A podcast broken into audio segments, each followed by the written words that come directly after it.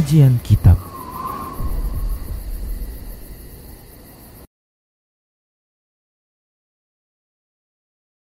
Assalamualaikum warahmatullahi wabarakatuh.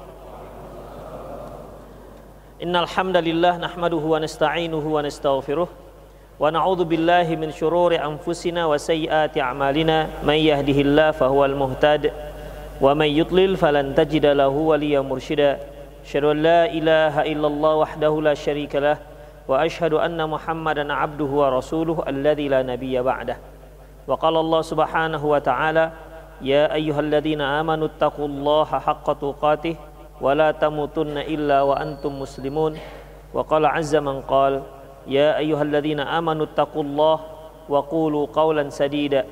يصلح لكم أعمالكم ويغفر لكم ذنوبكم. ومن يطع الله ورسوله فقد فاز فوزا عظيما أما بعد. إن أصدق الحديث كتاب الله وخير الهدي هدي محمد صلى الله عليه وسلم وشر الأمور محدثاتها وكل محدثة بدعة وكل بدعة ضلالة وكل ضلالة في النار Ikhwah kita sudah masuk pada pembahasan masalah Jumat, salat Jumat. Kita sudah bacakan beberapa hadis terkait dengan uh, salat Jumat Lantas kita masuk pada min fikhil bab. Di antara fikih bab, di antara perkara yang bisa diambil hal-hal yang bisa diambil dari hadis-hadis yang telah kita sebutkan. Satu, salatul jum'ati fardu ainin ala kulli mukallafin wajibatun ala kulli muhtalimin. Salat Jumat itu hukumnya fardu ain. Atas setiap orang yang mukallaf. Mukallaf ini seorang yang sudah mendapat beban. Maksudnya mendapat beban hukum.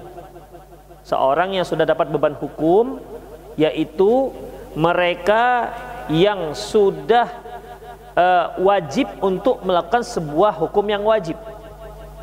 Ya, dan haram apabila dia langgar. Maksudnya apa? Mukallaf di sini yaitu seorang yang apabila dia sudah balik karena kalau dia belum balik, dia belum mukallaf. Ya. Wajibatun ala kulli muhtalimin. Wajib atas setiap yang sudah mimpi. Mimpi basah maksudnya. Ini juga menunjukkan bahwasanya tanda-tanda seorang sudah akil balik. Bil alil bil adillatil musarrahatin bidzalik yaitu dengan dalil yang sangat jelas wa ala dan ini uh, intinya adalah wa ala ra'siha al-amr Quran al-amrul Qur'ani al-mutanawilu fi kulli fardin dan inti dari semua uh, dalil ini yaitu perintah Quran yang mencakup semua orang, semua individu Qauluhu ta'ala ya ayyuhalladzina amanu idza nudiya lis-salati min yaumil jum'ati fas'au ila dzikrillah. Al-Jumu'ah ayat ayat 9. Wahai orang beriman, apabila kalian dipanggil untuk salat di hari Jumat, fas'au ila dzikrillah. Segera kalian untuk berzikir kepada Allah. Segera kalian untuk zikir kepada Allah. Awalnya dipanggil untuk salat, Kemudian jawabannya fas'au segera untuk berzikir. Ayatnya idza nudiya lis-shalah. Apabila kalian dipanggil untuk salat. Kemudian fas'au ila dzikrillah, segera untuk berzikir kepada Allah. Maksud zikir ini adalah Hah? Perhatikan. Karena ini penting. Ya. Allah mengatakan ya ayyuhalladzina amanu idza nudiya lis-shalah yaumil jum'ah. Apabila salat di hari Jumat, fas'au ila dzikrillah. Segera kalian untuk berzikir kepada Allah. Zikir pada Allah ini apa maksudnya? Baca Quran? Hah? Salat. Ya. Salat. Karena apa ikhwah? Wa aqimis salata dzikri. Tegakkan salat untuk mengingatku. Jadi fas'au ila dzikrillah, segera kalian untuk berzikir kepada Allah maksudnya segera kalian untuk sholat. Kalau sudah dipanggil untuk sholat hari Jumat. Di sini ya ayyuhalladzina amanu wahai orang yang beriman berarti semua yang beriman. Di sini masih umum. Tidak ada dikecualikan, belum ada dikecualikan dari ayat ini apakah laki atau perempuan, miskin kaya, besar kecil tidak ada. Ya ayyuhalladzina amanu, wahai orang-orang yang beriman, berarti semua yang merasa beriman, laki perempuan, besar kecil ini termasuk dalam panggilan. Yaitu fardu ain, wajib ain. Demikian. Makanya ikhwah dalam syariat kita apabila ada panggilan seperti ini ya apabila ada panggilan seperti ini yang dipanggil apakah dia manusia ataukah lebih khusus lagi yaitu orang yang beriman maka panggilan tersebut mencakup semua orang. Tidak boleh kita khususkan kecuali jika ada dalil. Tidak boleh kita kecualikan kecuali dengan dalil. Tak ada dalil pengecualian dibiarkan secara umum kalau kita ambil uh, ayat ini saja, maka perempuan juga wajib Jumat. Ya, perempuan juga wajib Jumat. Kalau kita ambil dari keumuman ayat ini. Wabil wa'idi syadidi ala tarkiha wa takhalluf anha. Dan demikian juga selain daripada perintah dari Allah fas'au segera fas'au itu segera ila zikrillah untuk berzikir kepada Allah segera kalian untuk melaksanakan salatnya Lantas ditambah lagi di samping perintah Allah ditambah lagi yaitu asyadid wa al wa'id syadid yaitu ancaman yang sangat dahsyat, ancaman yang sangat keras. Apa itu ikhwah? Ancaman yang sangat keras terhadap kalau ancaman apa ya? Keras. Apa ancaman? Keras. Sanksi, bukan ancaman berat. Kalau ancaman berat, bukan keras. Ancaman yang sangat berat, ya, cocok ya. Ancaman yang sangat berat terhadap orang yang meninggalkannya seperti apa ikhwah? Tabai alal qalb, dikunci hatinya. Dikuncinya hati ini berat loh ikhwafidin. Ya. Mungkin kalau sebagian orang merasa yang berat itu kalau jatuh miskin itu baru berat. Sakit baru berat. Padahal dikuncinya hati ini lebih berat ketimbang miskin, lebih berat ketimbang ketimbang sakit. Hati kita dikunci oleh Allah sehingga tak bisa menerima kebenaran, sulit menerima kebenaran. Ini ujungnya neraka. Ya, ini ujungnya neraka. Kalau sakit, orang sakit bukan ujungnya neraka, bahkan bisa orang sakit gara-gara dia sakit masuk surga. Kenapa? Menghapus dosa. Demikian. Kemiskinan, bisa dia bahkan bisa menyelamatkan dia dari dari neraka. Tapi kalau sudah dikunci hati, walaupun dia kaya raya, sehat walafiat, dia bisa sangat sangat dikhawatirkan dia masuk ke dalam masuk ke dalam uh, apa namanya nerakanya Allah Subhanahu wa taala. Kemudian wa hamma Rasulullah SAW bi ihrakil mutakhallifin anha dan Rasulullah ada tekad untuk membakar rumah orang-orang yang tidak melakukan sholat Jumat. Ikhwah, membakar rumah orang apa hukumnya? Haram. Ya, nggak boleh. Kok bakar rumah orang? Kalau dia punya kandang ayam, kita bakar kandang ayamnya juga haram, apalagi rumahnya. Karena setiap orang yang sudah mengucapkan la ilaha illallah asama minni dima'ahu wa amwalahum. Kata Rasulullah, kalau sudah mengucapkan la ilaha illallah maka terhormat, terjaga terjaga harta dan darahnya. Artinya darahnya haram ditumpahkan setetes apa pun ya dan hartanya haram diambil se, uh, semurah apa pun kecuali jika memang sudah ada izin syar'i, minjem, minta dan seterusnya. Kemudian dan ini ikhwah membakar ya, membakar rumah. Tentunya ini masalah berat. Apakah mungkin sholat Jumat itu sunnah yang apabila seorang yang sesuatu yang hukumnya sunnah jika ditinggalkan sampai dibakar rumahnya ini nggak mungkin ya ini pasti hukumnya wajib Wa qala Ibnu Qayyim al-Jauziyah al-Jauziyah rahimahullah fi Zadil Ma'ad dalam kitab Zadul Ma'ad wa ajma al muslimuna ala anna al-jum'ata fardu ain Kaum muslimin sepakat bahwasanya Jumat itu hukumnya fardu ain. Kaum muslimin yang maksud adalah para ulama, ya. Bukan orang-orang awam. Karena orang-orang awam tidak diambil pendapatnya. Dalam masalah-masalah fikih ya yang diambil kaum muslimin di sini artinya ya seluruh para ulama sepakat bahwasanya Jumat itu hukumnya fardu ain. Illa qaulan yuh, yuhka an Syafi'i. Hanya saja ada ada satu pendapat yang konon katanya dari Imam Syafi'i. Anau fardu kifayah di mana Imam Syafi'i mengatakan fardu kifayah. Konon tapi misi ini karena kalimatnya yuhka. Dikisahkan. Ya. Imam Syafi'i dikisahkan berpendapat bahwasanya Jumat itu hukumnya fardu kifayah. Tahu kan fardu kifayah maksudnya? Jika dilaksanakan oleh sebahagian orang, maka terlepaslah semua e, terlepaslah yang lainnya jadi dari kewajiban. Kemudian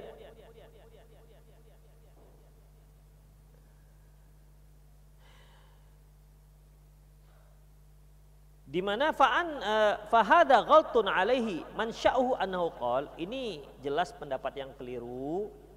Maksudnya orang yang menyatakan bahwasanya Imam Syafi'i mengatakan bahwa Jumat itu sholat Jumat itu hukumnya fardu kifayah ya. Orang itu salah dalam menyimpulkan perkataan Imam Syafi'i. Itu maksudnya.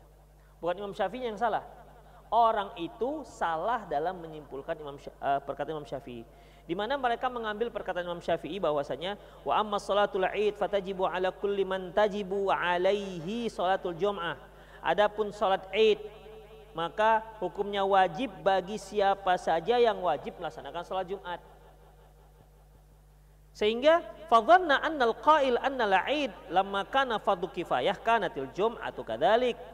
Sehingga dari perkataan Imam Syafi'i ini orang yang mengatakan bahwasanya Imam Syafi'i berpendapat Jumat itu fardu kifayah. Dari sini dari perkataan Imam Syafi'i ini mereka ambil kesimpulan bahwasanya karena sholat id itu hukumnya fardu kifayah, berarti Imam Syafi'i berpendapat sholat sholat Jumat itu fardu kifayah. Karena tadi Imam Syafi'i mengatakan bahwasanya adapun uh, adapun sholat id maka hukumnya wajib bagi siapa yang bagi siapa yang diwajibkan sholat Jumat. Adapun sholat id maka hukumnya wajib bagi siapa? Bagi siapa yang diwajibkan sholat Jumat. Berarti ya berarti karena sholat id itu fardu kifayah berarti Imam Syafi'i mengatakan sholat Jumat fardu kifayah. Karena beliau katakan adapun sholat id hukumnya fardu kifayah bagi siapa yang diwajibkan sholat Jumat. Dibalik dengan dia ya karena sholat id itu fardu kifayah, berarti Imam Syafi'i menyatakan bahwasanya sholat Jumat fardu kifayah. Nah, itu kesimpulan dari dia. Yang dia, yang dia simpulkan dari perkataan Imam Syafi'i ini. Wahada fasid, ini keliru. Ini salah menyimpulkan. Bal nasul min Syafi'i anna al wajibun 'alal jami'. Bahkan Imam Syafi'i jelas menyatakan bahwasanya salat Id itu wajib atas semua orang. Wahada yahtamilu amraini. Ini pun mengandung dua maksud. Ada kemungkinan dua maksud. Satu, ahaduhuma ayyakuna fardu ainin kal jum'ah. Bisa saja maksudnya Imam Syafi'i adalah bahwasanya sholat id itu hukumnya fardu ain seperti sholat Jumat. Atau maksudnya au yakunu fardu kifayah. Atau mungkin juga maksud beliau fardu kifayah. Fa inna fardu kifayati yajibu ala jami' Karena fardu kifayah itu juga sebenarnya wajib untuk semua. Yang dikatakan fardu kifayah semua wajib. Kewajiban ini untuk semua. Hanya saja, nah ini dia, hanya saja uh, kal fardil a'yan sawa wa inna ma yakhtalifani bisukuti an ba'di ba'da wujubihi bi fi'l akharin. Hanya saja kalau ada yang sudah melakukannya, yang lain terbebas. Itu bedanya. Ya. Jadi Misalnya nih seperti penyelenggaraan jenazah. Hukumnya wajib, ya semua pada saat semua wajib, semuanya wajib. Hanya saja kalau sudah ada yang mengerjakan, maka yang lain terbebas. Kalau nggak ada yang mengerjakan, dosa semua kan gitu artinya. Ya, Kalau nggak ada yang ngerjakan, semuanya berdosa. Itu dia. Jadi pada dasarnya penyelenggaraan jenazah hukumnya wajib atas semua semua kaum muslimin. Hanya saja akan terbebas sebahagiannya jika sebahagian ada yang melakukannya. Fardu ain tidak bisa. Hukumnya wajib, maka kapan mereka ter, kapan mereka terbebas? Tidak ada terbebasnya satupun sampai melakukan sendiri. Makanya ainun itu artinya masing-masing. Oleh karena itu maksud Imam Syafi'i ini ada mungkin kemungkinan dua. Ya, bahwasanya sholat id itu wajib atas setiap orang yang wajib sholat Jumat. Ya, ini bisa dua makna. Bisa yang dimaksud adalah sholat wajib, uh, hukumnya bahwasanya ju, uh, Jumat itu wajib wajib ain atau bisa jadi Jumat itu fardu kifayah. Demikian. Jadi ada dua kemungkinan makna. Makanya, ya makanya tidak bisa disimpulkan dari perkataan Imam Syafi'i itu bahwasanya Imam Syafi'i mengatakan sholat Jumat fardu kifayah. Paham antum sampai sini? Paham? Seperti bingung. Ya udahlah kalau kita gitu, lanjut aja ya. Yang penting fardu ain lah gitulah ya. Aman. Ini maksudnya untuk membantah orang yang mengatakan Imam Syafi'i mengata, Imam Syafi'i berpendapat bahwasanya sholat Jumat fardu kifayah itu maksudnya. Ini untuk membantah perkataan ininya. Demikian. Nah kesimpulannya sudah jelas ya kan? Sholat Jumat apa hukumnya? Wajib wajib apa? Jumain dah. Pulang lah kita kalau gitu kan selesai. Baik. Kemudian yang kedua, al-a'dzarul mubihatu litarkil jum'ati. Uzur-uzur, uzurnya alasan-alasan ataupun sebab-sebab yang membolehkan seseorang untuk tak sholat Jumat. Sebagaimana yang kita katakan tadi ikhwah, karena Allah mengatakan ya ayyuhalladzina amanu wahai orang-orang yang beriman, idza nudiya shalah apabila dipanggil untuk sholat. Hai orang yang beriman berarti berarti seluruh orang yang merasa beriman mendap, mendapatkan kewajiban yang sama. Laki, perempuan, anak-anak, orang dewasa semuanya dipanggil fasau, fasau. Kalian segera untuk berzikir kepada Allah tanpa terkecuali kalau kita masih pegang ayat ini. Demikian. Tapi kan ternyata ada hadis-hadis yang lain yang mengecualikan itu semua. Berarti kita kecualikanlah kewajiban itu, kewajiban yang telah berlaku secara umum untuk orang-orang yang dikecualikan saja. Demikian. Siapa saja yang dibolehkan untuk tidak sholat Jumat? Sekali lagi, karena ayatnya umum, maka hukum dasarnya umum. Siapa saja ya sampai ada dalil yang mengecualikan di antara pengecualiannya yaitu uh, man warada fi haqqihim nasun yaitu mereka yang disebutkan dalam nas hum al mar'atu wanita. Wanita itu boleh tidak sholat Jumat bukan dilarang sholat Jumat ingat. Ya. Wanita itu boleh tidak sholat Jumat bukan dilarang sholat Jumat. Demikian, harus paham ini. Itu artinya kalau mereka uh, ada tempat untuk mereka boleh untuk sholat Jumat. Tapi kan uh, untuk Medan sepertinya tidak ada tempat untuk wanita umumnya masjid. Ada yang melihat di Medan nih? Hah? LDI. Antum promo pula. Uh.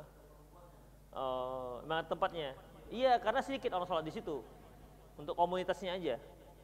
Ya umumnya masjid-masjid yang masyarakat umum penuh kalau udah sholat Jumat. Tambah lagi sekarang ini habis sholat Jumat ada bagi-bagi nasi. Tambah rame. Ya kan? Tambah rame ikhwah. Demikian. Kadang-kadang sempat bertempur dia. bertempur untuk mendapatkan nasi itu. Demikian. Artinya ikhwah di sini yang boleh tidak sholat Jumat bukan berarti dilarang sholat Jumat. Jadi kalau mereka punya tempat disediakan oleh BKM, tempat khusus untuk perempuan, maka boleh ibu-ibu ikut sholat Jumat. Tetapi kalau ternyata tempat tersebut, masjid tersebut tidak muat untuk laki-laki, maka mak-maknya digusur. Mak-mak, tempat kalian kami pakai. Jadi kami ke mana? Di rumah, pulang ke rumah. Demikian, karena laki-laki wajib ain. Itu dia. Wal abdu al mamluk hamba sahaya. Wasabi anak-anak. Yang dimaksud anak-anak ini bagaimana? Yang belum balik. Wal marid dan sakit ya tentunya ikhwah sakit yang kita dia kesulitan untuk untuk datang sholat Jumat bukan sakit seperti jempol bengkak kan sakit juga kan pas meradang kuku itu itu nggak termasuk ya. Sakit yang memang dia menyulitkan dia untuk hadir. Jadi gimana ini standarnya? Kembali kepada orangnya. Ya kembali kepada orangnya. Sebab kalau dia katakan kenapa kamu nggak datang kalau Jumat? Kena duri Ustaz. Sakit kali rasanya. Mendenyut. Kan bisa juga kan? Ya cari alasan. Kenapa kamu nggak sholat Jumat? Dintep tahun bibirku Ustaz. Hah, besar ini begitu. Jadi ya kalau ada alasan ya bisa saja alasan, tapi ya silahkan ucapkan alasan itu ketika Allah yang nanya nanti. Itu dia, ya. Makanya kembali kepada kita, ikhwah. Pada zaman Rasulullah SAW sebagaimana sebagaimana yang dikatakan oleh Abdullah bin Mas'ud, sesungguhnya kami pada waktu itu, ya orang yang sholat jamaah saja itu dipapah dua orang sampai masuk ke saf, sampai dipapah-papah masuk ke saf.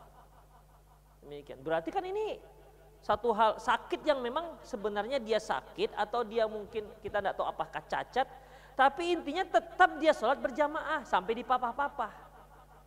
Karena waktu itu yang nggak sholat berjamaah adalah orang munafikun ma'lumun nifak.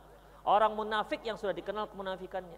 Makanya orang-orang uh, level para sahabat waktu itu sholat jamaah itu sampai di papa-papa.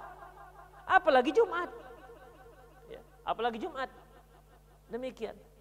Jadi yang sakit yang bagaimana sih yang sebenarnya yang boleh enggak sholat Jumat kembali kepada kita. Kita lah yang tahu.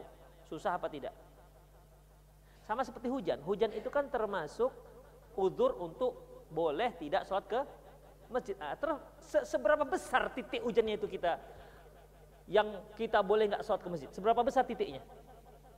Kadang-kadang macam shower tuh, eh hujan, macam ini, macam spray tuh, gitu kan, eh hujan, nggak mungkin. Padahal macam hembusan kipas angin itu kan ada yang pakai, ih hujan, aman nggak ke masjid. Demikian, yang penting kan hujan.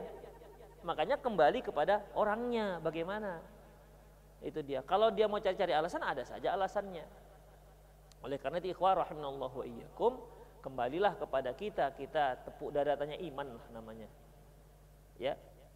Taib, orang yang sakit. Wa fi hadis Tariq bin Syihab radhiyallahu anhu. Dalam masalah ini ada hadis Tariq bin Syihab radhiyallahu anhu anin Nabi sallallahu alaihi wasallam dari Nabi SAW qala al jum'atu haqqun wajibun ala kulli muslimin fi jama'atin illa arba'ati. Jumat itu hak dan wajib atas setiap muslim fi jamaatin dengan berjamaah. Tuh. Salat Jumat itu hukumnya wajib atas setiap muslim dengan berjamaah. Ingat, dengan berjamaah. Illa arba'atin kecuali tiga empat orang abdun mamluk, hamba sahaya, awim ra'ah atau wanita, awis sobi ataupun sobi anak-anak, au marid ataupun orang sakit. Itu dia. Jadi di sini dalam hadis ini ada dikecualikan empat. Ya. Sampai di sini baru kita ketahui hanya empat. Kemudian ba ijtima'ul aid wal jum'ah. Kapan lagi boleh enggak sholat Jumat? Yaitu apabila bergabung antara sholat id dan sholat Jumat di hari yang sama. Atau uh, id hari raya baik Idul Fitri maupun Idul Adha bertepatan di hari Jumat. Maka boleh tidak sholat Jumat dengan dengan apa namanya dengan ketentuan, dengan syarat dan ketentuan yang berlaku. Wafihi hadithu Abi Hurairah radhiyallahu anhu yaitu hadis Abu Hurairah radhiyallahu anhu an Rasulillah sallallahu alaihi wasallam dari Rasulullah sallam annahu qala beliau bersabda qad ijtama'a fi yaumikum hadza aidan hari ini hari kalian sekarang ini sudah bergabung dua id maksudnya idul idul fitri atau di sini nggak sebutkan apa idnya idul fitri atau idul adha pas di hari Jumat Faman syaa ajza'ahu minal jum'ah. Barang siapa yang mau yang sudah sholat boleh tidak sholat Jumat. Fanahnu mujammi'un tapi kami tetap sholat Jumat kata Rasulullah. Hadis ini sahih. Ya, walaupun ada para ada beberapa ulama yang mengatakan hadis ini dhaif tapi yang rojih bahwasanya hadis ini sahih. Diriwayatkan oleh Imam Abi Daud, Ibnu Majah, Imam Hakim dan Imam Baihaqi. Demikian ikhwah. Jadi bagi siapa yang sudah sholat id, boleh dia tidak sholat Jumat. Itu dia. Tapi kami, kata Rasulullah, mujammi'un. Kami tetap sholat Jumat. Itu menandakan bahwa masjid tetap mengadakan sholat Jumat. Jangan tutup. Itu maksudnya, karena sudah capek panitia mengadakan sholat id, Jumat tutup aja lah gembok. Gak bisa masjid tetap dibuka untuk sholat Jumat yang mau datang sholat Jumat. Demikian. Wa an bin Abi Rabah dari Atha bin Abi Rabah qala dia berkata sallabina Ibnu Zubair fi yaumi Aid fi yaumil Jum'ah. Bahwasanya Ibnu Zubair salat mengimami kami di, di hari raya Idul Fitri, di hari raya dan yang bertepatan di hari Jumat awalan nahari di pagi hari. Ibnu Zubair pada waktu itu ya be, dia menjabat sebagai gubernur. Ya, menjabat sebagai gubernur. Makanya ya kalau dahulu itu siapa yang waliul amr, siapa yang jadi pemerintah, dia yang khotibnya, dia yang jadi imam. Demikian ikhwah. Rasulullah SAW jadi imam, beliau juga yang jadi pemerintahnya. Abu Bakar jadi pemerintah, dia juga yang jadi imamnya, dia khotib Jumatnya, rutin. Jadi dia sholat rawatibnya dia, dia juga sholat Jumatnya. Dengan demikian dia bisa bertemu dengan masyarakatnya satu hari berapa kali? Lima kali ikhwah. Itu dia memberikan pengarahan kepada kepada apa namanya kepada rakyatnya ya minimal se, se, sejumat sekali minimal sejumat sekali. Jadi nggak pakai juru bicara juru bicara langsung dia ngomong. Demikian. Bukan berarti juru bicara itu bid'ah, antum jangan salah simpulkan. Oh berarti menurut Ustadz ini juru bicara itu bid'ah. Saya nggak ada katakan begitu. Ya, dulu itu para para umaro, para pemerintah dan sekaligus mereka para ulama, sekaligus juga mereka muftinya, mereka langsung bicara di hadapan masyarakat. Nah, waktu itu Ibnu Zubair melangsungkan sholat id bertepatan di hari Jumat di pagi hari summa rohna ruhna ilal Jum'ah kemudian siang harinya kami pergi Jumat ya falam yakhruj ilaina ternyata Ibnu Zubair nggak ada keluar karena kan dia juga yang seharusnya jadi khotib Jumat ya seharusnya dia juga yang jadi khotib Jumat tapi ternyata dia nggak keluar keluar, nggak keluar artinya dia nggak sholat Jumat. Dia nggak keluar rumah untuk melaksanakan sholat Jumat bersama kaum muslimin. Fasallaina wahdana, maka kami pun sholat aja. Berarti ada yang menggantikannya. Ya. Wakana Ibnu Abbas di Taif waktu itu Ibnu Abbas waktu kejadian Ibnu Zubir tidak sholat Jumat ya padahal dia seharusnya sholat Jumat bersama kami waktu itu Ibnu Abbas tidak di tempat, beliau sedang di Taif. Falamma qadima dzakarna dzalika lahu. Ketika Ibnu Abbas datang, kami ceritakan apa yang dilakukan oleh siapa namanya tadi? Ibnu Zubair.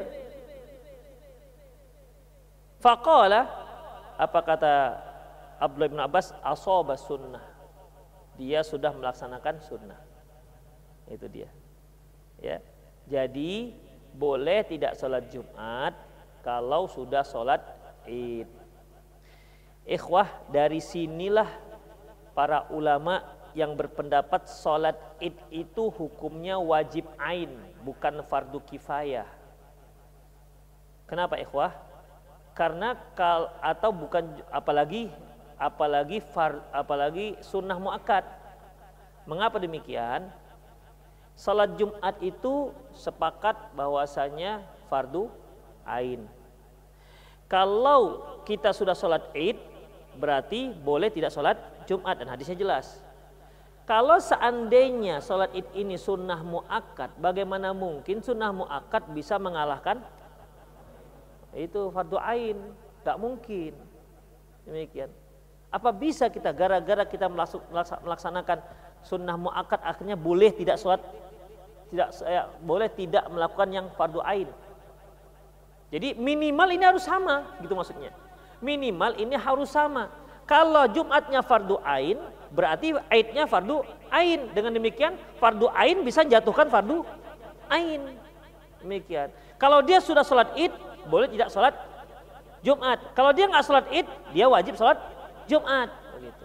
Itu salah satu pendalilan mengapa ada para ulama yang mengatakan sholat id itu tidak sunnah muakkad, tetapi fardu ain. Itu di antara pendalilannya. Bisa dipahami ya sih? Saya. Kemudian, fahadhil ahadith, hadis-hadis ini rukhsatul lil ladzina sallau al-'ida duna malam yusalliha. Hadis-hadis ini ya maksudnya hadis dibolehkannya tidak salat Jumat ini rukhsah dispensasi bagi orang-orang yang sudah salat Id. Bukan yang enggak salat Id. Demikian. Sudahlah enggak salat Id, dia ambil rukhsah nggak sholat Jumat. Aman dua-dua. Jadi paginya nggak sholat id, Jumatnya kata Rasulullah boleh nggak sholat Jumat. Demikian. Ya tidak ada yang berpendapat demikian. Walaisa rukhsatul amah fi man shallal id wa man lam yusalliha. Jadi dispensasi ini tidak umum untuk yang sholat yang sudah sholat id maupun yang tidak sholat id. Enggak, enggak begitu. Itu keliru. Hanya saja e, masalah ini dibahas oleh para ulama. Taib, bagi yang nggak sholat Jumat, apakah dia sholat zuhur? Nah itu dia. Ya, dia kan tadi sudah sholat Id, kemudian nggak sholat Jumat. Terus yang nggak sholat Jumat, apakah dia sholat zuhur? Nah ini kan ini kan ke apa apa kasus baru lagi. Kalau dia katakan nggak sholat jumhur, nggak sholat zuhur, berarti kalau dia sholat Idul Fitri, kemudian di hari Jumat, kita katakan tidak sholat Jumat dan juga tidak sholat zuhur berarti habis pulang sholat id makan kenyang makan opor tidur sampai asar kan gitu jadinya. Ya kan? Ya nggak nggak sholat Jumat dan nggak sholat zuhur. Demikian. Apakah demikian ikhwah rahimallahu wa iyyakum? Ya. Jawabannya tetap sholat zuhur. Sholat itu tetap satu hari lima kali. Sholat wajib itu tetap satu hari lima kali. Fardu, sholat fardu itu satu hari lima kali. Bagi yang nggak sholat Jumat, wajib sholat zuhur. Demikian. Yang nggak boleh sholat zuhur harus sholat Jumat bagi kaum laki-laki dan seterusnya. Nomor dua. La tujzi'us salatul jum'ati illa fi jama'atin. Tidak sah salat Jumat kecuali berjamaah. Jadi janganlah antum sholat Jumat sendirian di rumah. Siapa makmumnya? Istri. Nggak bisa. Sholat Jumat harus berjamaah. Ya. Berdasarkan hadis Tariq bin Syihab al-madhkur qariban yang sudah disebutkan sebelumnya. Wabidzalika taftariqu salatul jum'ati ani salatul jamaah. Oleh karena itu beda antara salat Jumat dengan salat berjamaah. Lianna salatul fadhi tujzi'u anil ithmi takhallufihi anil jamaati. Karena orang yang sholat sendirian, maksudnya nggak berjamaah, sholatnya sah. Hanya dia berdosa karena tidak berjamaah. Itu sholat, sholat wajib yang lima waktu, hukum yang rojih bahwasanya wajib ain, wajib dia datang ke masjid untuk melaksanakan sholat fardu sehari yang lima kali. Jika dia tidak sholat berjamaah tanpa uzur, dia berdosa tetapi sholatnya sah. Itu dia. Saya ulangi, kalau ternyata dia tidak sholat ke masjid tanpa udur, malas saja dia ke masjid. Ayo bang, pergi ke masjid. Malas abang hari ini, sudah begitu. Jadi sholat di, sholat di rumah saja. Dia berdosa, tetapi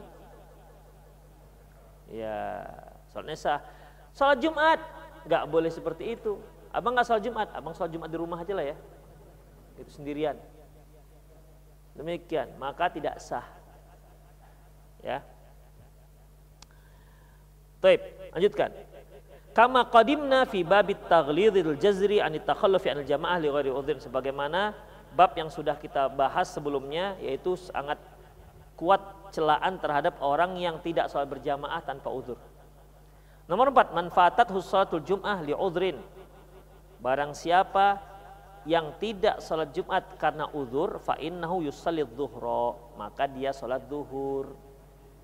Mereka yang yang tak sholat Jumat karena uzur berarti dia harus ganti dengan sholat zuhur.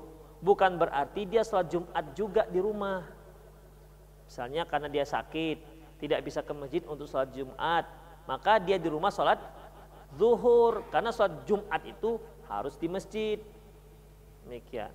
Apakah ada orang yang berpendapat sholat, kalau walaupun hari Jumat itu harus sholat Jumat? Ada ikhwah. Ya, Misalnya dia ada yang berpendapat begini, dia masuk masjid ternyata orang sudah selesai sholat Jumat, maka dia ada yang berpendapat bahwasanya tetap sholat Jumat dua rakaat. Nah ini keliru, ya ini keliru. Tapi mereka yang terluput sholat Jumat karena di, dikarenakan udur, fa innahu yusalli maka dia sholat zuhur. Ya dulu ala dzalika hadis Abdullah bin Mas'ud radhiyallahu anhu. Berdasarkan hadis Abdullah bin Mas'ud dia mengatakan man adroka minal jum'ati rakaatan fal yadif ilaiha ukhra. Barang siapa yang dapat sholat Jumat hanya satu rakaat maka tambah satu lagi.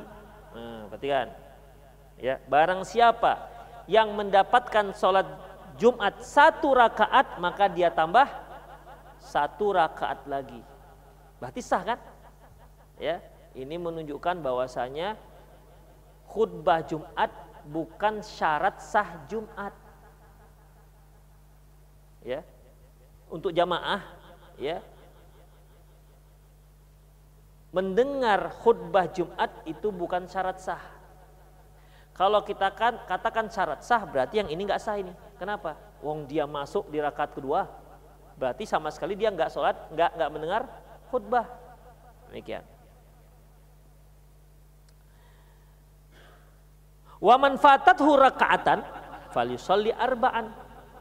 Tapi barang siapa yang terluput dua rakaat, nah, kalau tadi kan satu rakaat, kalau dia terluput satu rakaat, apa tadi? Tambah satu rakaat lagi. Tetapi kalau terluputnya dua rakaat, terluput satu rakaat itu kapan? Kapan kita dikatakan nggak dapat satu rakaat? Jika tidak dapat ruku bersama imam. Ingat, bukan bersama makmum. Karena makmum itu lebih lama rukuknya ketimbang imam. Jadi Sami Allah liman hamidah, imam makmum kan masih masih ruku. Nah, ketika kita sama dengan makmum, sementara imam sudah bangkit, berarti nggak dapat. Ya. Tapi Ustaz tadi saya pas bangkit apa kalau makmum iya Ustaz, betul sama makmum saya. Tapi bersama imam apa enggak? Pas bangkit apa enggak ya? Itu gimana? Udahlah dianggap aja nggak dapat. Demikian ikhwah ya. Jadi standarnya itu ingat ruku bersama imam bukan ruku bersama makmum. Nanti pas orang yang rukuknya lama bacaannya imam sudah bangkit nih mau mau mau udah tidak udah mau ruku ini kawan masih ruku aja. Hawa dapat inilah dapat imam. Ruku dia bersama makmum itu. Ya nggak dapat. Berarti yang dikatakan tidak mendapatkan dua rakaat mereka yang masuk berjamaah setelah ruku di rakaat yang kedua. Itu dia ya. Maka hendaklah fal yusolli arba'an maka hendaklah dia sholat empat rakaat. Hadis diriwayatkan oleh Imam Abdul Razak dan seterusnya. An Abdurrahman bin Abi Dhu'aibin bin Abi Dhu'aibin kala dia berkata kharajtu ma'az Zubair makhrajal yaumal jum'ati fasalla salata fasallal jum'ata arba'an. Aku keluar bersama Zubair di hari Jumat, kemudian beliau sholat Jumat arba'an. Beliau sholat Jumat empat rakaat.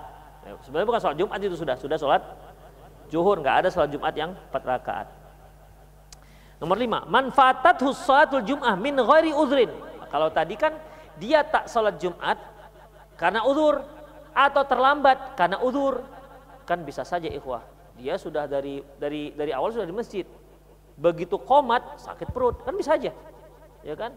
Mules-mules sudah ditahan mau bangkit masih ada lagi duduk lagi begitu. Hingga akhirnya imam iktidal dari yang kedua. Berarti kan nggak dapat. Maka dia harus sholat zuhur atau karena dia sakit atau apalah namanya. Udur syar'i. Bagaimana kalau memang dia tidak dia tidak sholat Jumat tanpa udur? Apa yang harus dia lakukan? Fala kafaratun lahu illa taubah an-nasuhah. Maka tidak ada apa pun yang harus dia lakukan kecuali tobat nasuhah. Itu dia. Dia nggak sholat zuhur. Sakit enggak, hujan enggak, mules enggak, musafir enggak, anak kecil tidak, badannya gede pun. Cewek enggak, cowok dia, kekar badannya, maco. Demikian mantan copet. Demikian. Tapi tak sholat, tapi dia memperlambat. Entar lagi lah, entar lagi lah, entar lah, entar lagi lah. Masuklah dia ke masjid, imam sudah tahiyat akhir. Apa yang harus dia lakukan? Tidak ada yang harus dia lakukan kecuali taubat nasuha. Oh, nggak sholat zuhur? Enggak, orang dia lalai. Ya, bagi orang yang nggak sengaja nggak sholat atau dia melalai-lalaikan sholat sampai habis waktunya, maka tidak ada kodo bagi dia. Ini ikhwah. Termasuk waktu remaja mereka apa namanya berfoya-foya harapannya kalau mati masuk surga kan itu harapannya ya. Nggak sholat tobatnya sudah mau meninggal bertobat dia. Alhamdulillah sempat kan? Ya. Usia 60 tobatlah dia ikhwah. Betul-betul tobat. Usia 60 sebulan meninggal dia. Alhamdulillah kan sempat tobat. Taib. usia 60 tobat. Berarti dari usia 16 tahun atau 15 tahun dia balik sampai ke 60 itu berapa tahun tuh? 45 tahun. Ya. 45 tahun. 45 tahun itu tak sholat. Sebagian kan ada yang berpendapat, terma, ter, jumhur ulama berpendapat dia harus mengkodoh sholatnya. Uh bayangkan itu. 45 tahun. Kalau dia double-double aja sholatnya, satu hari subuh dua kali, zuhur dua kali untuk untuk me, apa namanya menutupi hutang ya. Berarti dia puluh dia butuh 45 tahun lagi ya. Berarti berapa tahun itu? Hah? Hah? 105 tahun. Berarti dia harus triple dia. Subuh tiga kali. Kalau sama subuh tiga kali dia berapa jadinya? butuh butuh usia sampai 75. Demikian ikhwah. Apakah itu mungkin seperti itu? Makanya ikhwah ya, tidak ada kodo bagi orang yang sengaja meninggalkan sholat. Gak ada kodo. Wong enak kali dia di kodo. Yang ada kodo itu yaitu apabila dia tidur, tertidur sehingga kelewatan waktu sholat. Betul itu ada kodo atau dia lupa. Demikian. Antum bekerja bekerja mulai zuhur. Bekerja sampai subuh misalnya. Eh lupa zuhur asar maghrib isya misalnya begitu. Saking semangatnya bekerja. Iya kan?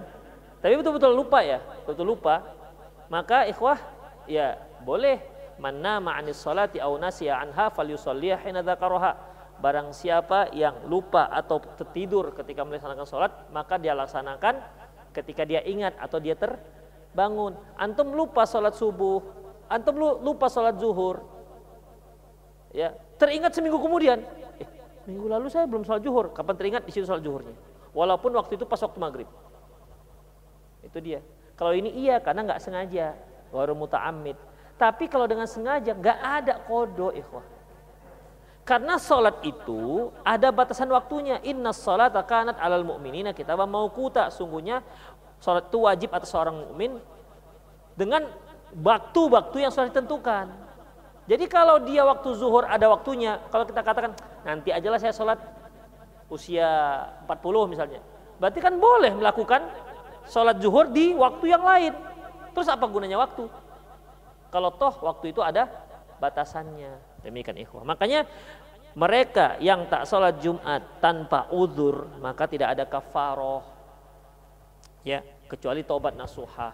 Tobat tobat itu ikhwah para ulama mendefinisikan tobat itulah yaitu uh, uh, at-tariku adzambi ikla'ul anid dunub menghentikan perbuatan dosa kemudian uh, nadimun alal wuku nadimun alal wuku menyesal uh, kemudian ikhla wal, wal, wal ikhlasulillah ikhlas karena Allah. Dia hentikan dosanya.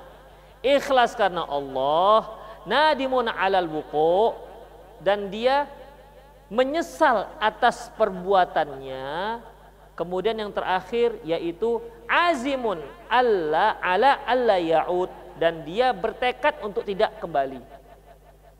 Tinggalkan dosa, hentikan dosa, ikhlas karena Allah, kemudian menyesal akan karena itu telah terjadi. Yang keempat, itu dia, bertekad untuk mengembalikan. Mengapa pentingnya ada ikhlas karena Allah? Karena ketika ada orang yang menghentikan menghentikan suatu dosa yang bukan karena Allah, maka dia hanya sekedar aman dari perbuatan dosa saat itu. Adapun yang lalu-lalunya tidak diampuni.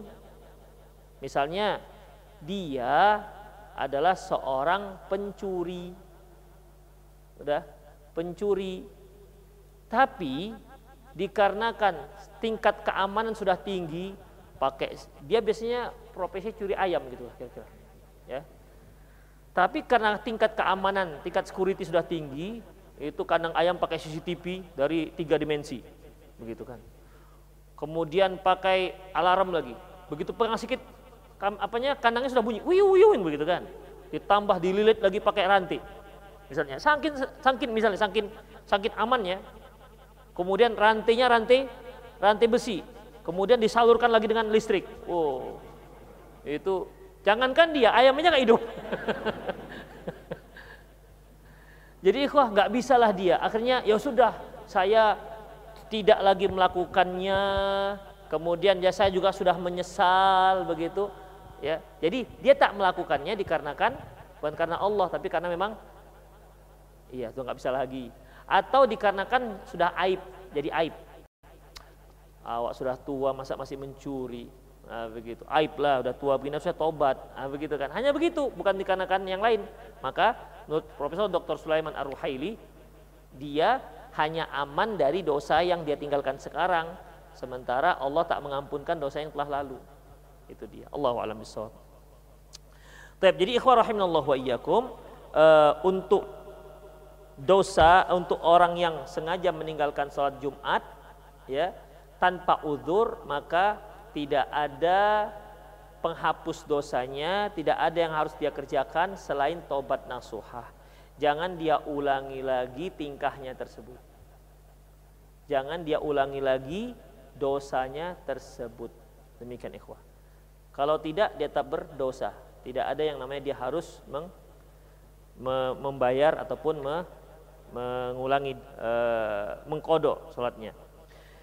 Adapun hadis Samurah bin Jundub dia berkata Rasulullah bersabda man tarakal jum'ah min ghairi udhrin falyatasaddaq fi dinarin. Barang siapa yang meninggalkan Jumat dengan tanpa uzur maka hendaklah dia berinfak sebesar satu dinar. Fa illam yajid dinar fa nisfu dinar. Kalau enggak ada satu dinar ya setengah dinar. Itu hadisnya dari hadis ini diriwayatkan oleh Abu Daud dan Imam Nasai dan Imam Ahmad.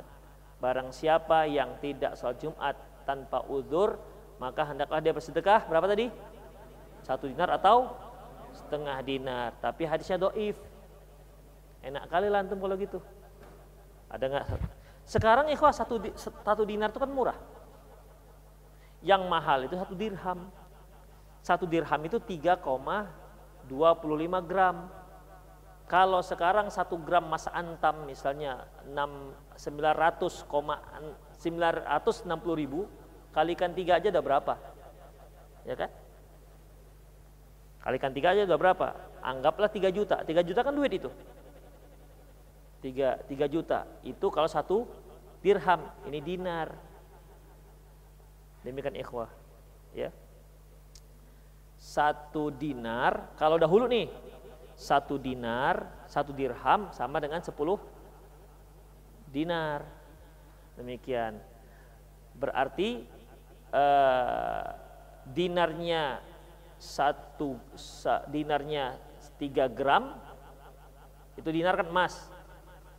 Berarti uh, eh dirhamnya satu tiga koma dua lima gram berarti dirhamnya juga kalau sepersepuluhnya Nah, gitulah lebih kurang.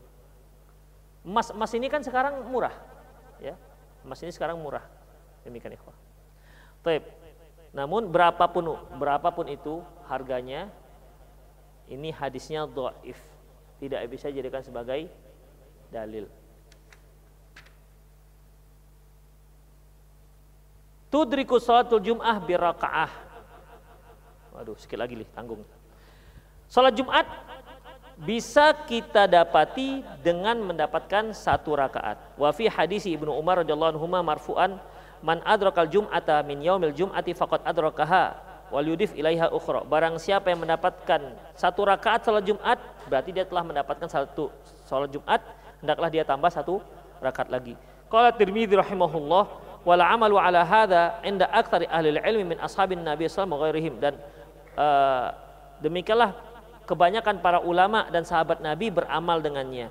Qalu man adraka raka'ah minal jum'ah shalla ilaiha ukhra. Mereka mengatakan bahwasanya barang siapa yang mendapatkan satu rakaat di sholat Jumat, hendaklah dia tambah satu rakaat lagi. Ini sudah beberapa kali kita kita sebutkan tadi. Wa man adraka julusan sholat arba'an.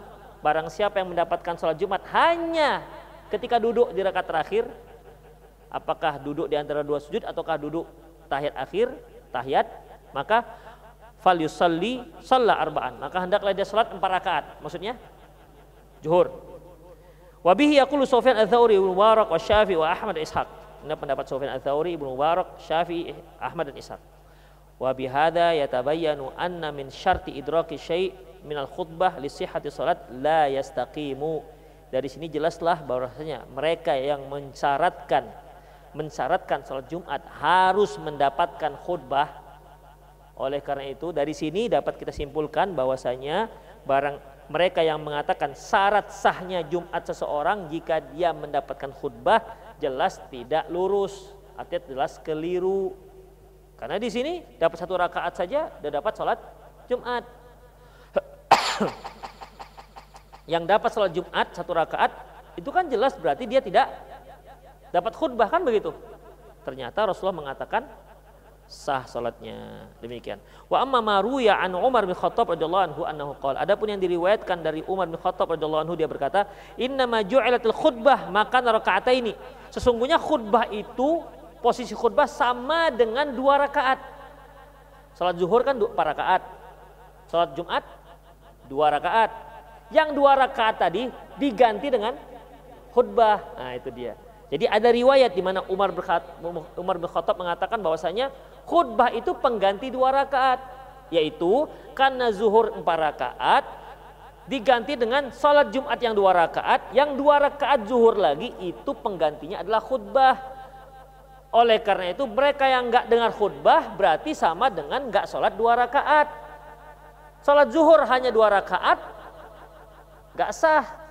Inilah dasar yang mereka mengatakan jamaah yang datang tidak mendengar khutbah maka tak sah Jumatnya sama seperti orang yang zuhur hanya dua rakaat itu dia fa illam yudril khutbah falyusalli arba'an kalau dia tidak mendengarkan khutbah Tidak mendengar di sini artinya pokoknya ketika dia masuk khatib sedang khutbah. Apakah di khutbah yang pertama ataupun khutbah yang kedua. Kalau dia nggak dapatkan khutbah maka hendaklah dia sholat empat rakaat. Inilah perkataan Umar bin Khattab tapi perkataan ini tidak sahih dari Umar bin Khattab. Jadi nggak perlu di nggak perlu membuat antum menjadi galau. Ya. Demikian ikhwah rahimanallahu iyyakum. Demikian. Oh aman lah kalau gitu Ustaz terlambat-terlambat aja lah kita. Ingat, itu ceritanya hanya sah. Ceritanya hanya sah. Tapi apakah ada pahala? Belum tentu. Karena sebagaimana sabda Rasulullah SAW, "Idza kana yaumal jum'ati kana fi kulli babin min abwabil masjid al malaikah yaktubuna al awal fal awal." Apabila di hari Jumat, maka setiap pintu masjid itu ada malaikat yaktubuna al awal fal awal. Dia menulis siapa yang masuk, siapa yang masuk yang pertama, kedua, ketiga. Faidah jalasal imam tawaw suhuf. Kalau imam duduk di mimbar, kapan imam duduk di mimbar? Ketika sudah Assalamualaikum warahmatullahi wabarakatuh, duduklah dia. Ketika imam duduk, malaikat sudah nggak mencatat lagi yang masuk. Sudah digulung. Ya, tawau yastami'una dzikr. Mereka pun menggulung uh, catatannya dan mereka mulai mau mendengar khutbah. Jadi antum-antum yang masuk setelah khatib pas duduk di mimbar itu nggak dicatat malaikat lagi. Makanya nanti kalau hari kiamat nanya kepada Allah, ya Allah, aku kan sholat Jumat. Mikir bang. Datangnya kapan? Perasaan. Mikirnya pas-pas nyaris-nyaris pas khutbah. Apa? Pas komat. Demikian. Kalaupun sekali-sekali pas khutbah ngantuk. Itu dia. Itu dia ikhwah. Kan sayang. Kadang-kadang kita terlambat hanya tiga menit begitu kan. Tiga menit. Sayang ikhwah. Kenapa? Paling kalaupun paling-paling lambat itu paling tidak ya jangan sampai pas adzan. Begitu, pas adzan. Supaya kita bisa tercatat sebagai orang yang melaksanakan sholat Jumat. Demikian ikhwah rahimanallahu wa iyyakum, ya. Jadi ini mohon diperhatikan. Kalau para sahabat dahulu ikhwah di hari Jumat itu setelah mereka sholat subuh, ya mereka sudah rame-rame ke masjid, ngapain? Sholat Jumat. Ya, sholat Jumat. Jadi pagi itu sudah penuh orang jalan ke mana? Sholat Jumat. Kita pagi jalan juga penuh juga, tapi ke pasar Kampung Lalang, cari lele, cari sayur, nggak ke Jumat, nggak ke Jumat. Para sahabat itu masya Allah mereka itu berlomba-lomba untuk mendapatkan kurban, pahala kurban. Menjaa fi sa'atil ula faka'anna maqarraba badanah Barang siapa yang datang di saat yang pertama, dia dia seperti berkorban seekor unta. Paman ja'al fi kalau yang datang di saat yang kedua, fakaan nama qaraba baqarah yang datang di saat yang kedua, dia seperti dia mendapatkan pahala seperti berkorban seekor sapi. Waman ja'a fi sa'ati tsalitsa fakaan nama qarabal kabasyah yang datang di saat yang ketiga, maka dia mendapatkan pahala seperti berkorban seekor kambing dan seterusnya. Ya kalau kita nggak sanggup berkorban di hari raya, kenapa lah nggak bisa kita? Harusnya kita lomba lah yang mereka-mereka yang punya duit itu dengan cara seperti ini. Ya, kita lomba mereka cara seperti ini. Jadi ikhwah rahimanallahu wa iyyakum, kalaupun kita nggak bisa melomba orang-orang kaya yang ada di kaum muslimin ini dengan pahala dari uangnya, Allah kasihkan kesempatan kita yang nggak punya ini, ya, yang nggak punya duit ini, ada amalan lain yang bisa melomba mereka. Kecuali mereka ikut juga seperti yang kita lakukan. Dia korban-korban juga, tapi Jumat dia duluan daripada kita. Ini sudah miskin, terlambat terus. Kan parah ikhwah. Ya. Jadi ya kita tahu dirilah kan gitu ya. Tahu dirilah. Demikian. Sudahlah nggak dapat pahala dari uang karena nggak punya. Dari sisi lain jangan kalah dengan mereka. Begitu ikhwah rahimallahu Seperti mungkin antum pernah dengarlah hadis apa namanya? sahabat yang fakir melapor ke Rasulullah, "Ya Rasulullah, dhahaba ahlud dusur bil ujur." Ya Rasulullah, ini orang-orang kaya pergi membawa pahala-pahalanya. Kata Rasulullah, "Kenapa?" Yusalluna kama nusalli wa wa yasumuna kama nasum. Mereka salat seperti kami salat, mereka berpuasa seperti kami puasa. Wa yatasaddaquna bi fadli amwalihim, tapi mereka bersedekah dengan sisa harta. Kami jangankan sisa harta, gak punya. Gimana? Lantas Rasulullah ajarkan mereka zikir supaya bisa mengejar mereka. Tak lama kemudian lapor lagi, Rasulullah itu orang-orang kaya ikut beramal seperti apa yang kami lakukan. Karena Rasulullah kan nggak katakan yang kaya-kaya nggak boleh ya ngamalkan ini, kan nggak ada, ya kan? Itu umum. Ternyata yang kaya dengar, mereka juga ikut melakukan. Lapar lagi ya Rasulullah, yang kaya-kaya ikut juga ya Rasulullah melakukan ini. Dzalika fadlullah yuti.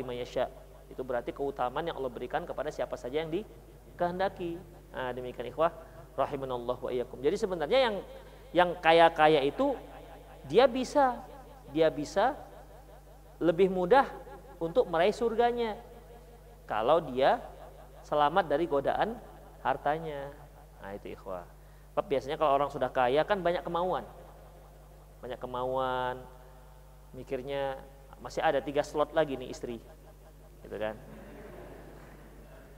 Kalau yang fakir-fakir kan nggak mikir ya Allah satu aja saya udah pening ngasih merepet aja. Dua miskin merepet nah yang kaya-kaya kan mikir lagi pingin punya ini pingin punya ini kan begitu. Pingin wisata-wisata gitu kan. Yang miskin-miskin mau wisata gimana? Kecuali kalau ada nebeng bolehlah kan.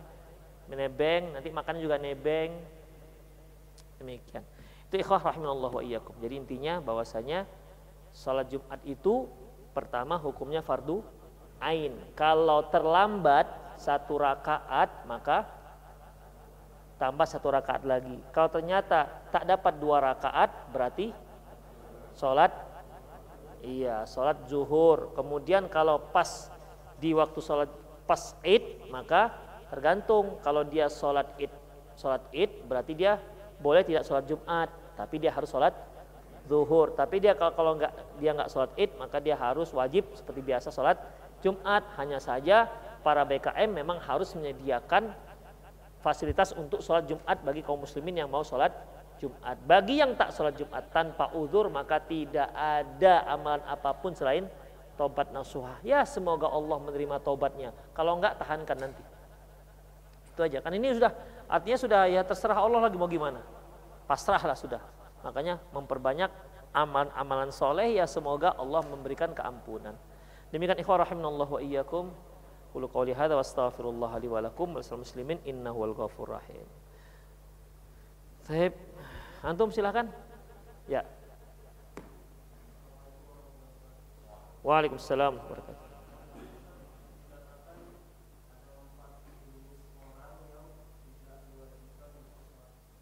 Ya, perempuan, hamba sahaya, orang sakit. Nah.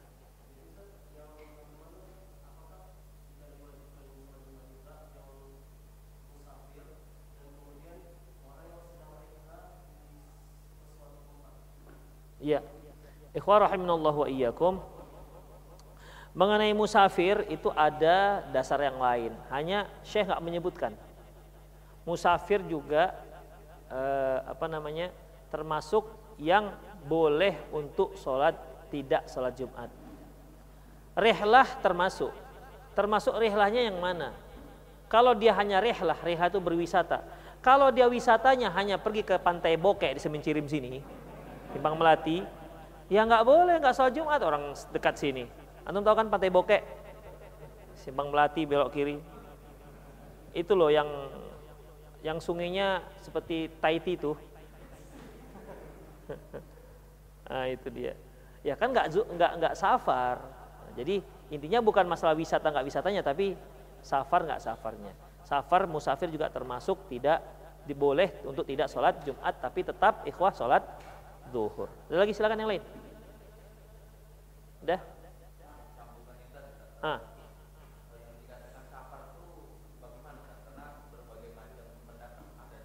Ah.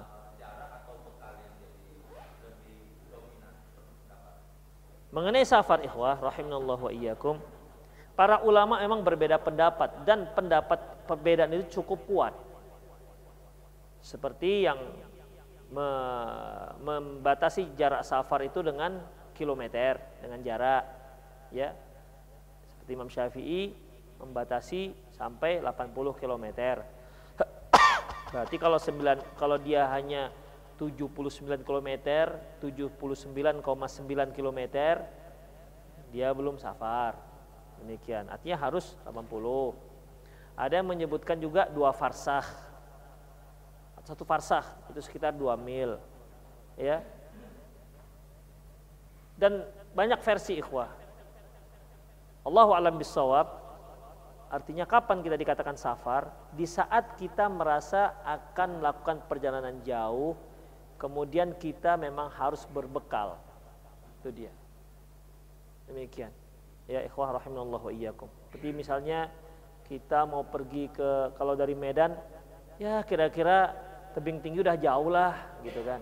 Tapi kan nanti ada satu saat tebing tinggi itu nggak jauh lagi karena tol sudah ada. Misalnya ada tol, tol dilarang di bawah 200 km misalnya. Begitu. Up to 200 km. Udah jadi 15 menit medan tebing tinggi. Berarti yang Atos nggak boleh masuk situ. Mobil Atos nggak boleh masuk. Kenapa? Dia hanya bisa kecepatannya di bawah 100. Misalnya begitu, yang boleh hanya Ferrari gitu kan, Hammer. Demikian. Misalnya kan bisa saja ya. Pada saat itu nanti ya berarti dia tidak lagi tidak lagi safar seperti orang-orang yang bekerja dari Bogor ke Jakarta. Itu hari-hari bolak-balik, bolak-balik, bolak-balik ya. Ya, yang ini pernah ditanyakan kepada Mas Syekh yang datang ke Indonesia dianggap tidak musafir karena sudah rutin dia bolak-balik tidak lagi dikatakan musafir. Allahu alam bisawab. Itu kembali kepada kita aja.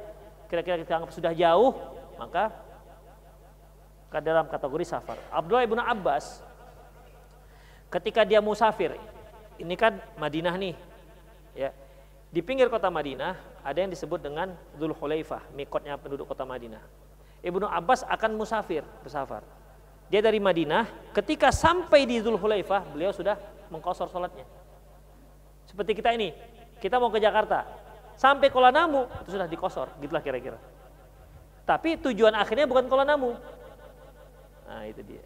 Ya makanya banyak versi. Allahu alam. Ustadz, bagaimana hukumnya pada saat kita sholat Jumat yang terjadi gerhana? Apakah kita sholat Jumat sudah sah tidak sholat gerhana? Atau kita lanjut dengan sholat gerhana? Mohon penjelasan. Ikhwah rahimanallahu wa iyyakum. Sholat Jumat itu fardu ain. Tidak bisa dikalahkan dengan sholat gerhana. Demikian. Ya.